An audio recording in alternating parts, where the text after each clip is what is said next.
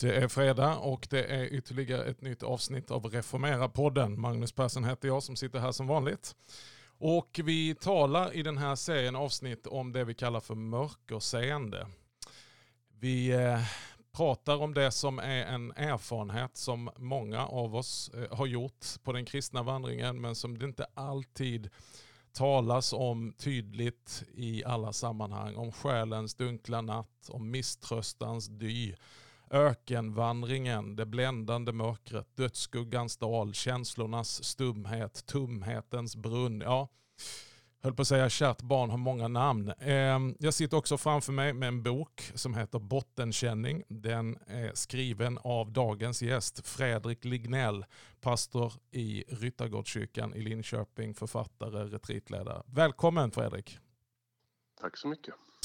Kul att ha med dig här i det här sammanhanget och eh, du har ju tänkt och skrivit en hel del om de här tankarna som jag försökte inleda med. Eh, vandringen som tar oss igenom passager som är mörka och dunkla. Eh, för några år sedan så kom du ut med boken Bottenkänning och jag ska läsa ett citat ifrån den. Gud finns i botten. Han rör sig i utblottelsen, smärtan och i sorgen. Gud är genom Jesus Kristus mitt i skiten. Citat Fredrik Lignell. Ja, precis. Eh, berätta, vad, vad, vad är bakgrunden till, till boken kortfattat? Kortfattat är bakgrunden att vi under ganska många år har eh, som familj levt med ett stort mått av eh, psykisk skörhet. Eh, vår dotter var svårt sjuk under ett antal år och ehm, det ehm, ja, blev ju eh, många år av ehm, psykiatrivård, ambulanser, självskadebeteenden och en oändlig mängd psykofarmaka. Mm. Och eh, naturligtvis massvis med oro i det, en oro på liv och död. Hon mår mycket, hon är på en helt annan plats idag och mår mycket bättre och har just fyllt 30 år vilket vi är extremt eh, tacksamma för. Mm. Det var inte givet att hon skulle bli 30. Ja. Eh, och, men också vi lever med det. Nu har vi ju utflugna barn och de finns inte här och så men, men vi lever med ett ganska så rejält mått av begränsningar och skörhet eh, fortsatt också. Kopplat en del till det man brukar kalla för neuropsykiatriska funktionsnedsättningar, alltså mm. Asperger, autismspektrat och så. Mm. så att, eh, då får man liksom jobba lite, och inte minst som kristen då, med världsbilden, gudsbilden och inte minst synen på, på smärta. Vad, vad gör man med den och är den en främmande fågel eller hur ska man se på det? Liksom? Ja, inte minst, inte minst vad innebär det att vara människa? Mm. Eh, ryms, ryms det att vara en vanlig människa i kristen tro? Och inte minst då som eh, förkunnare, andlig ledare. Lite med, med den siktet som vi, vi talar i det här, frågor som jämt och ständigt kommer upp. Att vi, eh, utan att gå in på de här specifika problemområdena som du nämner, men bara detta att vara människa, mm. kopplat, det är det vi är först och främst människor. Eh, och sen har vi olika uppgifter i Guds rike. Eh, men hur kan vi tala om det här som jag kallar för mörkerseende? Att kunna fortsätta vandra fast vandringen också innebär passager i dödsskuggans dal. Ibland så verkar vi ha orimliga förväntningar på livet i allmänhet och det kristna livet i synnerhet. Och ibland så finns det en oerhörd tröst bara att höra. Man behöver inte få massa nycklar och principer, men bara att höra och förstå att mörker, själens dunkla natt, ja vad vi nu kallar det, det är en del av den kristna vandringen även för andra. Eh, vi, vi har ju en tendens att, att plåga oss ännu mer, att göra helvetet ännu större genom att straffa oss själva för att vi inte är på gång eller att vi inte lyckas med allt eller att vi har tappat Precis. sugen. Men du, jag skulle vilja lägga upp det så här Fredrik. Jag tänker så här om vi ska använda, vi har precis, eller ganska nyligen i alla fall, gått igenom heliga veckan och firat påskhelgen. Mm. Och Jag tänker om vi använder det som en bild för det kristna livet, det finns många som har gjort det innan, så finns det rätt mycket tal om kampen i Getsemane, dramatiken på långfredagen. Och så har vi väldigt mycket tal om uppståndelsens segerfulla påskdag. Om vi gör det som någon sorts metafor för hur vi talar om det kristna livet. Men det finns en utdragen mellandag som är fylld av, kan upplevas tumhet, allt är stilla, allt är dött. Jesus är i graven, påskafton. Det talar vi inte mycket om i, mm, i vårt firande, men också i allmänhet om vi använder det som en bild för det kristna livet. Eh, känner du igen den beskrivningen? Ja, jag tycker en jättegod beskrivning. Jag, jag känner mig befryndad med det. Och jag tänker också, det är så lätt med facit i hand att tänka att det där bara var en dag. Mm. Men det visste ingen Exakt. då. Um, och um, nej, men jag, jag, jag, jag har funderat väldigt mycket just på de frågorna. Alltså, vad, vad gör man med det ouppfyllda? Med det som inte blev som man hade tänkt? Hur, hur, hur lever man med de spruckna drömmarna och hur försonas man på något sätt med det liv man fick då? Mm. För det är ju det som måste hända på lördagen där. Ja. Jag måste någonstans se mig omkring och försöka tala så sant jag kan om det som dog. Liksom. Det som inte blev. Ja, visst. Och där, där, där är det ju till sist är ju det här, det, det är naturligtvis eh, hundra olika skikt i det här. Det har med både psykologi och så att göra, men det har inte minst med teologi att göra. Mm. Um, om vi överhuvudtaget har, har um, erövrat ett språk för den mellanperioden uh, eller inte. Um, både du och jag har ju rört oss i sammanhang där man nästan inte har orkat vänta sitta kvar i det där va, utan eh, vi såg på någon skärtorsdagsgudstjänst någon gång eh, för många år sedan och gudstjänstledaren måste avsluta den med att säga ja, nu gäller det inte att deppa ihop för mycket för snart är det söndag. Ja, exakt. det var precis det jag inte ville höra då. alltså, vi orkar inte riktigt leva i det och i den här liksom limbon eller vad vi ska kalla det. Jag skrev en det... annan bok som kom för ett år sedan som heter Är vi inte framme snart? om väntan, längtan och tålamod. Just det. Eh, och det är ju liksom fortsättningen på bottenkärn kan man säga. Så hur, hur, hur, hur ska vi leva med det här ouppfyllda i en tid när man kan um, speeda upp sin Netflix-serie till en och en halv gånger hastigheten. Hur väntar man på Herren i en kultur som den? Liksom? Uh, ja, och men... det, är ju lördagen, det är ju lördagens teologi. Exakt.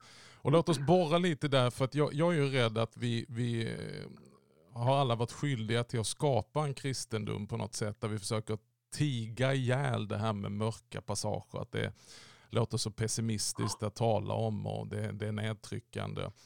Och det är precis som att vi gör allt för att hitta en genväg förbi dödsskuggans dal. Eh, och, och, vi ska plocka bort och liksom skövla på något sätt alla kors som eventuellt skulle möta oss. Och att det bara är nedförsbacke hela tiden. Eh, och man ska naturligtvis inte lättvindigt, vet alla som har brottats med mörkret att det finns en helvetisk dimension av det, av ångest eller tumhet, meningslöshet. Mm. Eh, men just att stanna upp i det här som vi ändå vet är en verklighet. Den här stumheten, tumheten, tystnaden. Eh, jag tänker att det kan finnas en del undervisning och vi talar om just när det är dramatik, när det är kamp, det är lidande, det är Getsemane, det är själva korset. Va? Men just detta när det på egentligen inte är så dramatiskt, det är väl det som kan vara fruktansvärt egentligen, utan det är bara fullständigt ja, ibland likgiltigt. Den här eh, stumma tystnaden. Hur hjälper vi människor få ett, som jag kallar det för mörkerseende? Att också förvänta att det faktiskt, precis som dag växlar till natt i våra vanliga liv, så är inte natten direkt meningslös. Eh, utan natten har, har sin roll i, i rytmen av ett liv. Och så är det också det kristna livet. Ja, eller vintern. Vintern ja. Det är ju samma, det är ju liksom vi behöver, de här växlingarna behövs ju på olika sätt, trädan och alltså, ja men jag tänker att vi, vi, vi hjälper människor så här som mm. vi gör nu mm. genom att försöka dels eh, sänka garden lite um, och berätta att också ledare och predikanter uh, sliter med tillvaron. Mm. Um, och, och tala så, alltså det, det, det är ju till sist som du var inne på här en slags fråga, det är en fråga delvis om förväntningar va. Mm. Um, uh, ibland har vi gett människor orimliga förväntningar på kristet liv. Um, och det, vi behöver hjälpa varandra där. Um, det, har varit en, det, har varit, det har varit en av mina viktigaste drivkrafter när jag skrev den boken, Bottenkänning, att, mm. att faktiskt få eh, sätta ord på hur det kan vara. Och, och att vi har sagt så här, så min fru säger ofta så här, ja, men när jag är ute och föreläser utifrån det där att ja, tänk att det kunde komma något meningsfullt ur det här. Mm. Liksom.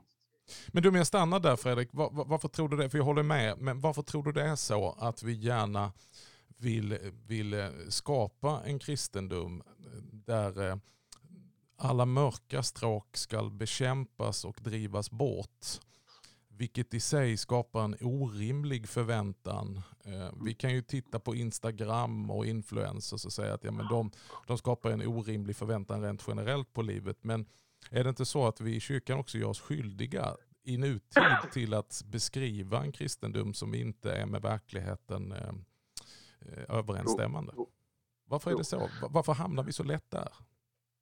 Ja, men det, dels är det väl lite olika beroende på vilken tradition man står i möjligen då. Eh, det finns ju kristna traditioner som har varit bättre på det här eller sämre på det här. Mm. Um, mm. Och, och, så är det ju va. Och det är klart en del av um, frikyrkligheten som ju du och jag har rört oss mycket i mm. har ju nästan varit analfabeter på det här. Så man har inte ens haft man har inte haft ord för det eh, mm. i vissa kretsar. Då, Men sen tänker jag tänker två saker där, eller jag tänker att det handlar väldigt mycket om att skydda andra då. Alltså, mm.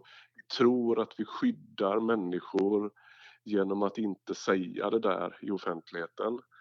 Men det jag upptäckte hos mig själv under den här långa resan var ju att jag också tenderar att försöka skydda Gud. Just det.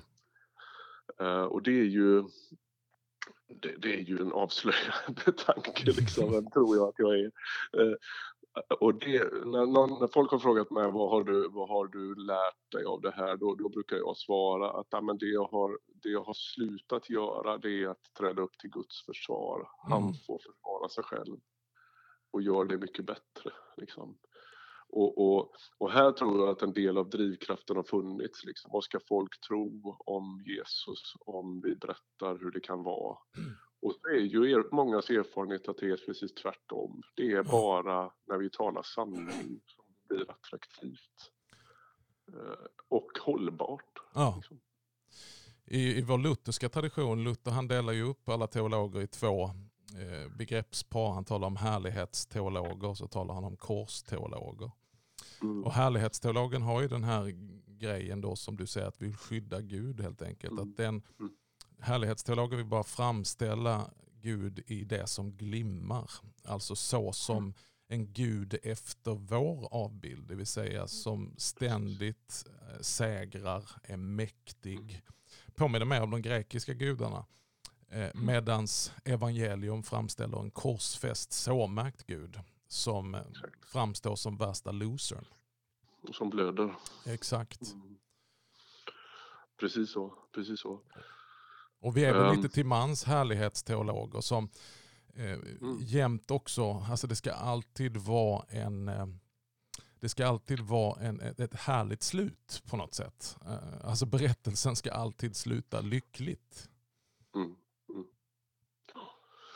Ja, och um Ja, och, och, och, och, som sagt, där tänker jag att vi gör människor en björntjänst då därför att det blir ju, det blir ju lite Instagram-fenomenet, nämligen att vi målar upp ett liv som inte riktigt finns. Vi, har inte, vi lever inte det livet själva och ingen annan förmår göra det heller. Och det är då, det är då problemen uppstår i att, att man tänker, ja, om det är det här som är grejen och jag inte är där, då är det nog något fel på mig.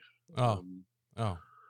Och då drar man sig också undan i tider av, av uh, sorg eller misströstan eller vad det är då. Mm. Slutar man komma på gudstjänst för att man tänker att nu, uh, det här får inte plats liksom. Nej. Och jag kan ha viss, viss respekt för det. Jag, jag pratar med många människor, det gör man ju som pastor och präst eh, själavård och, och, vägledning och så. Och då säger en och annan att Nej, men nu fixar inte jag att gå till kyrkan. Och det handlar inte nödvändigtvis om att man ska hålla skenet uppe utan det kan handla om andra saker. Mm. Eh, um, man orkar inte med all välvilja till exempel. Mm. Uh, man måste få vara lite anonym med det eller eller man är rädd att spricka på ett sätt som man inte har kontroll över och sådär. Så, det, det, det är inte fullt så enkelt som att man håller sig borta för att man är så himla präktig liksom. Mm. Utan det kan vara mycket mer mångbottnat än så, tänker jag. Ja, jag tänker också hur vi, hur vi är olika traditioner och som sagt ingen tradition går väl helt fri utan vi har olika styrkor och svagheter och betoningar. Men Eh, jag, jag har ju min bakgrund i en väldigt eh, glad kristendom så att säga och inget fel med det. Mm. Men det handlar ju mycket om hur vi adresserar människor. Vi hade ju i vårt sammanhang lagt oss till med en vana att det första ordet som uttalas i gudstjänsten det var i typ något väldigt klämkäckt med ett eh, välkommen, är du glad? Eh, ja. Är det på G? Och det har jag fått suttit efteråt och, och bearbeta tillsammans med människor att, att eh, när jag var inte glad och det sista jag behövde höra det var ju någonting som adresserar mitt mående. Jag vill ju komma för att lyfta min blick bort ifrån mig själv. Men direkt då så kommer det liksom något sorts implicit krav på, är du på gång? Är du glad? Är du redo att prisa Gud? Och så mm. sitter människor, nej jag har släpat mig hit för någonstans tror jag att det kan göra mig väl. Men jag är inte sugen på att prisa och lova. Jag är inte sugen på det här tilltalet liksom. Exakt, exakt, exakt. Nej, men det är ju många människors erfarenhet och därför måste man vara lite försiktig med det där. Va? Alltså, gudstjänstens djupaste avsikt är att bota oss från vår inkrökthet till oss själva och då mm. kan vi inte börja med att fundera över hur hur mycket på G vi är. Mm. Det, är liksom, det är kontraproduktivt. Um. Nej, och samtidigt har vi då alla erfarenheter av de här eh, passagerna i livet som, som mer mm. påminner om påskafton. Då, eh, utdraget, perioder. Mm. Och, och, och, samtidigt tänker jag då, ja men det, det, det, det, finns ju det finns skäl till lite besinning här också åt båda håll då. Därför att för att det ena skulle kunna vara en slags happy clappy som ingen orkar i längden då. Mm. Det, det, det, det, är vi ju helt överens om. Mm. Men det andra skulle ju också kunna bli en slags så här, upphöjelse av lidandet på ett sätt Exakt. som inte heller blir bra. Där man faktiskt knappt får vara glad då. Mm. Det finns ju så här, en, en kanske intressantaste figuren i frikyrkans historia när det gäller de här frågorna det är ju en man som hette Emil Gustafsson. Just det. Han var ju en av profilerna i det som blev Helgelseförbundet. Mm. Torpkonferensen är ju, är ju liksom direkt offspring av det då. Mm. Och, eh, och Emil Gustafsson led av, av en svår tarmsjukdom hela sitt liv. Eh, dog bara 38 år gammal och var ju en slags frikyrklig mystiker kan man säga. Mm. Eh, skrev väldigt mycket om smärta, skrev en bok som heter Evighetsljus på mörka moln. Mm. Uh, som börjar med liksom, den människa som aldrig har erfarit någon smärta befatte sig ej med denna skrift. Så här, jag, skriver till, jag skriver till de lidande, liksom. det är en mm. bok om tröst. Så här. Jättefint. Mm. Men arvet efter honom blev ju nästan en slags um, uh, vurm för smärtan. Liksom. Mm, mm. Uh, vilket ju kantrar åt andra hållet då. En slags uh, lidande ideal som inte heller blev bra liksom. Nej. Och elever, studenter på Götabro bibelskola generationerna efter liksom, kan inte riktigt sortera i det där fullt ut alltid utan det blir, det blir liksom andra överdriften på något sätt. Då, va? Och då är vi tillbaka egentligen på grundfrågan, nämligen det handlar om att tala sant. Ja. Eh, både om glädjen och härligheten och skönheten och förundran men också om det som sket sig. Ja. Och sprack sönder. Mm. Min, min vän Magnus Malm han, han brukar säga så här, det är ett, det är ett av mina favoritcitat. Eh, All sanning, hur oandlig den än kan verka, utgör en kontaktyta mot Gud. Just det. Och all lögn, hur andlig den än kan verka, mm. skiljer från Gud. Mm. Alltså det är inte måttet av andlighet som kommer att hjälpa mig utan det är måttet av sanning. Ja. Ett annat ord som, som, som vi brukar tala om här i podden det är ju rymlighet. Mm. Eh, alltså att vi rymmer, för det är precis som du säger att, att den enda gången vi är mitt på vägen det är när vi är på väg från dike till dike. Va? Vi har ju någon sorts dikesdragning i oss. Att antingen dra mm. allt åt höger eller åt vänster. Det är bara glädje och seger eller så är det bara ett förhärligande av kors och lidande och tårar. Men det här går ju hand i hand eh, om vi följer Jesus på hans vandring. Jag tänker inte minst på förklaringsberget. Att ena stunden får de se Kristus i all sin härlighet förklarad, höra Guds stämma ljudligt från himlen så att det skakar, de faller till marken. De gör ett möte med Mose och Elia, uppenbarar sig. Men direkt när de vill bygga bo på berget och, och slå upp tält så tar Jesus dem ner för berget, ner i dalen och det första man möter det är en demonbesatt pojke och en förtvivlad pappa. Exakt så. Snacka om att här ryms både det beska, mm. det sura och det söta, det härliga och det besvärliga. Mm. Men du Fredrik, om vi ska, vi ska, eh, jag är inte ute efter några, det, det, det, är rakt emot vad vi vill med den här podden, att, att leverera några liksom, principer och nycklar. Men, men vad är dina erfarenheter eh, av att, hur kan man hantera eh, eh, själens dunkla natt, dödsskuggans dal? Eh, och vad, vad tar du med dig ser du hur Gud är verksam i de här perioderna? Att det faktiskt, eh, han kan verka osynlig. Min Gud, min Gud, varför har du övergivit mig? Eh, han känns långt borta men man kan ana att någonting också sker i natten. Ja, jo men det är min, det är min erfarenhet att man kan det. Um, men men man ser det inte nödvändigtvis förrän i efterhand. Mm. Eh, och det är, ju, det är ju en del av den här smärtsamma eh, vandringen då att just där är det inte givet att man, att man erfar trösten eh, eller ser var den kommer ifrån mm. till exempel. Va? Men, men texten om Emmausvandrarna ifrån Lukas evangeliet är ju en klassisk text i de här sammanhangen när vi pratar om andlig vägledning och att få syn på Gud i det liv man har. Mm. De slår följe, Jesus slår följe med dem men de vet inte vem det är. Mm. Um, och det är inte förrän efteråt som de säger brann inte våra hjärtan mm. när han talade med oss på vägen.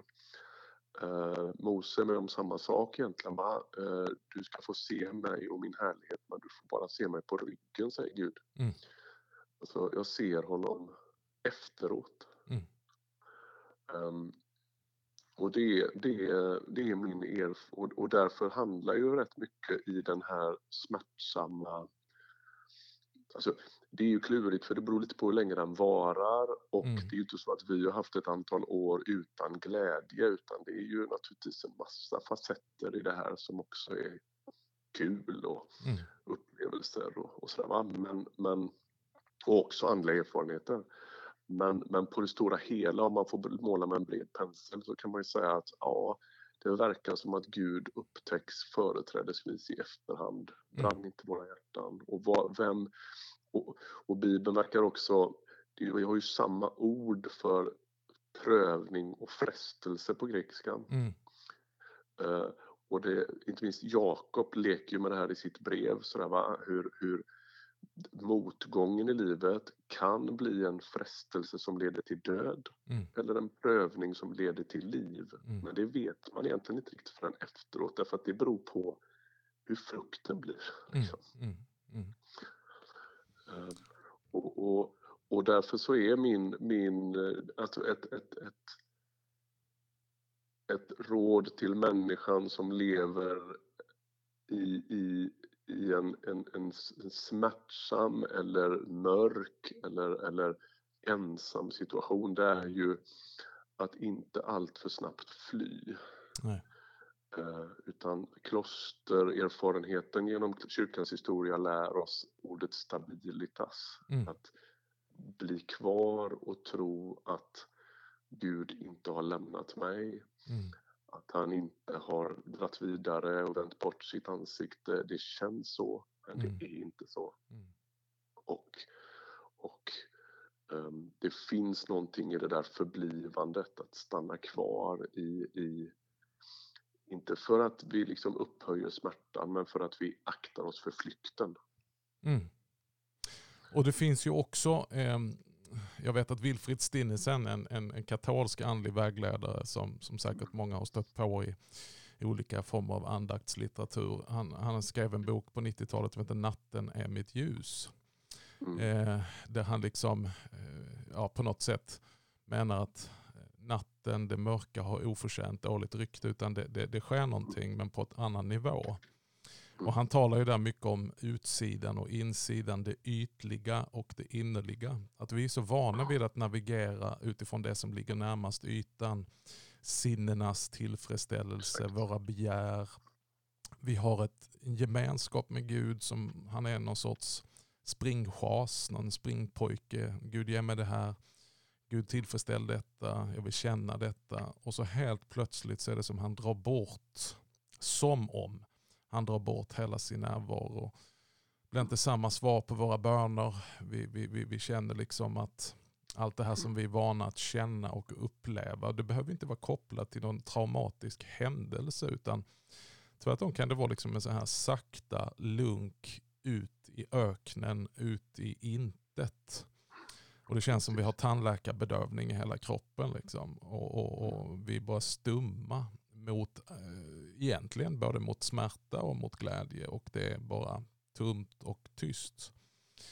Och där menar Justinisen då i hans eh, andliga erfarenhet att då, då, då, då hjälper Gud oss att komma i kontakt med de innersta behoven vi har. Så att vi inte hela tiden bara liksom navigerar utifrån det ytliga utan att vi får kontakt med, med sanningen som du har varit inne på.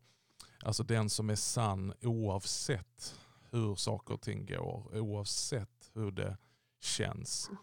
Och ur sanningen så kommer också den verkliga kärleken som inte är som han menar då förälskelsen som ligger där på ytan och allt är mysigt. Va? Utan den här kärleken som bara, som bara är konstant. Precis, precis. Ja men precis, Stinnesen säger på något annat ställe att det är Guds tystnad som vidgar våra hjärtan. Mm, um, mm. Det är vackert tycker jag, jag har tänkt mycket på det. Um, vi tänker ju i vår, vår liksom instantkultur att det är klart att det bästa för oss borde vara att få det vi frågar efter. Mm. Men ibland är det som att han borrar i vår längtan och vidgar vårt hjärta genom torrperioderna liksom. Mm. Um, och Johannes och korset är inne på samma sak, där hela det här liksom, själens dunkla natt-resonemanget handlar ju just precis om det här, mm. så jag uppfattar honom jo, rätt.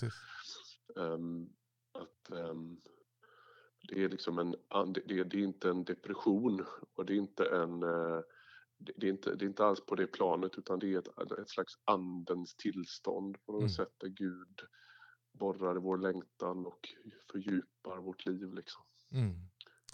Med någon sorts mål att, att vi ska komma fram till att bara få vara i Guds närvaro. Även om den känns eller om den utför någonting. Alltså det är liksom målet för detta. Att, att lära känna Gud sådan han är utan att mäta hans närvaro i form av gärningar, kraft, under eller jublande glädje. Även om vi bejakar det också naturligtvis. Men att... och, och, samtidigt blir det ju viktigt här då med, med uh, nyanserna då därför att, därför att jag inte, det, det är ju inte alltid så att Gud därmed sänder den smärtan. Uh, det, det, det, där är ju klurigt då. Mm. Vad, är, vad är meningen? liksom. Mm. Um, och jag kan aldrig tro att det var meningen att en ung flicka ska skära sig sönder och samman eller mm. åka ambulanser och vara inlåst på sjukhus och så. Nej. Eh, däremot så finns det, korset är det djupaste tecknet på att Gud kan skapa mening ur det mest djävulska. Exakt. Uh, så att den som sitter och lyssnar på den här podden och tänker, jaha, är det Gud som har skickat det här över mig? Nej, det påstår vi inte va? Nej. Uh, men däremot så kan det värsta mörker mm. i hans hand eh, leda till någonting annat. Mm. Exakt. Och det är, ju, det är ju hela påskens, om vi skulle återvända dit, det är ju hela påskens rungande budskap. Att, eh, alltså vi, vi spikar upp ett kors på varje kyrka i hela världen men det var ju, of, det var ju en otänkbar eh, koppling när det väl begav sig. Mm. Att, att ett romerskt kors skulle kunna symbolisera något skönt eller vackert. Det, det är bara Gud som kan göra det. Mm. Jag tänker hur Johannes inleder sitt evangelium. Han säger de här klassiska orden och ljuset lyser i mörkret och mörkret mm. har inte övervunnit det. Han, han tar ju sats ifrån skapelseberättelsen, alltså redan på första sidan i andra versen är det väl. Då, vi, då möter vi en värld som som, som, som är i fullständig mörker och intethet.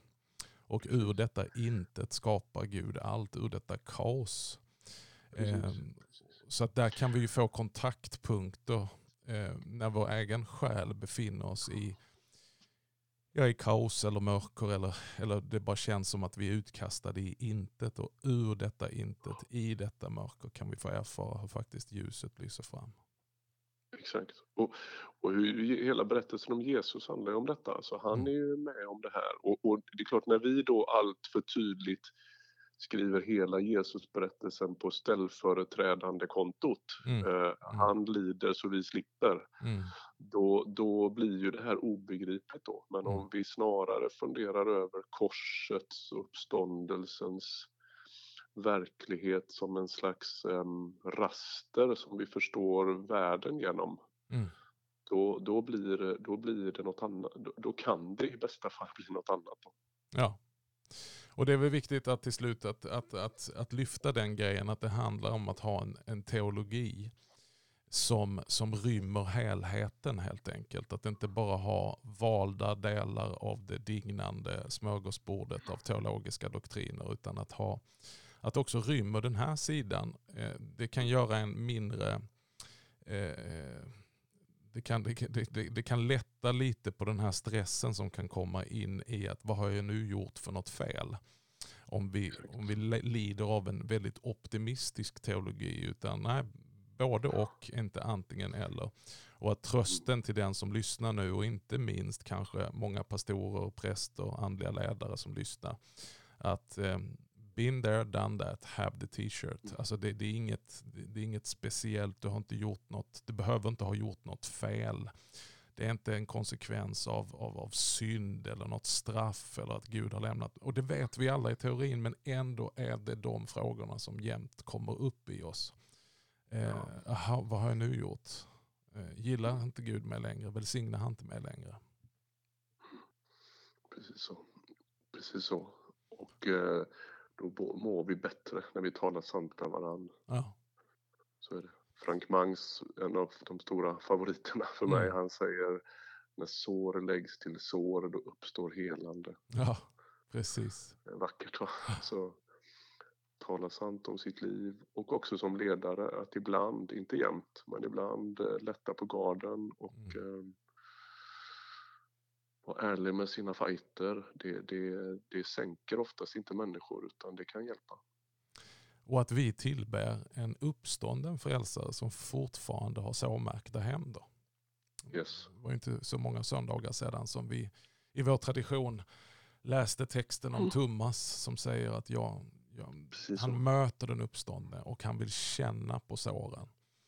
Och, och ibland så, så, det här ska ju hanteras, det handlar inte om att fläka ut sig och köra någon sorts offentlig terapeutisk övning.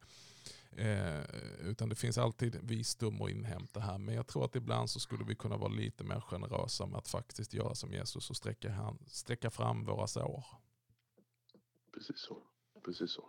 Där finns mycket tröst. Håller helt med. Fredrik, vill du avsluta med några visa ord till våra lyssnare? Eh, utifrån dina erfarenheter av bottenkänning och eh, jag vet inte om jag säger för mycket nu, men jag vet att du, du jobbar med, med någonting som kallas för hur, hur ledsen får en glädjebudbärare att vara. Jag, jag skrattar till när jag hörde det. Ja, alltså jag, jag, det, det uttrycket är inte mitt egentligen. Ja, det, står, det står med i bottenkänning och så jag håller jag på att jobba lite med hur om vi skulle kunna hjälpa andra förkunnare mm. att, eh, just, just utifrån de frågorna och sådär. Nej, men, men under våra ganska mångåriga kris då så eh, har en eh, bibel, ett uttryck varit väldigt eh, viktigt för mig och kommit att betyda massor. För det är när Paulus säger att Gud är all trösts Gud mm. och barmhärtighetens fader. Mm. Det är ju inledningen av andra Korintierbrevet som är hans mest personliga text. Mm där, som ju handlar om precis det du och jag har pratat om nu, mm. nämligen de, de dissar honom för att han är en så svag ledare och mm. han hjälper dem att förstå att det är just sprickorna som ställer honom i bredd med Jesus. Mm. Och hur kan denne missionär och apostel och andlige gigant tala om all trösts Gud? Jo, mm. därför att han själv har gjort en sån erfarenhet. Mm. Ja, det... jag, tror, jag tror att varje ledare och predikant och präst och pastor, allt vad vi kallar oss, behöver få göra den erfarenheten därför att det, då står det ju vidare sen att då kan man ge den till andra. Mm. Och där någonstans eh, har jag, där dricker jag mycket. Ja, ja helt enig där allt hopp var ute. Vi utlämnas ständigt åt att dö. Hela andra Korinthierbrevet är en, mm. en, en, en, läsning som, som skänker tröst. Fantastiskt. Ett stort tack Fredrik för att du har varit med i Reformera-podden idag och eh, talat ord av tröst, ord av visdom, delat med din egen erfarenhet. Eh, vill man få del av mer av det Fredrik har att ge så finns hans böcker. Vi har nämnt dem här. Du eh, gör också regelbundet besök i andra församlingar, leder retriter, eller hur? Så är det. Så är det. Mm. Eh, Fredrik Lignell alltså, pastor i Ryttargårdskyrkan och också andlig vägledare, retreatledare och författare. Ett stort tack Fredrik och Gud välsigne dig. Tack själv.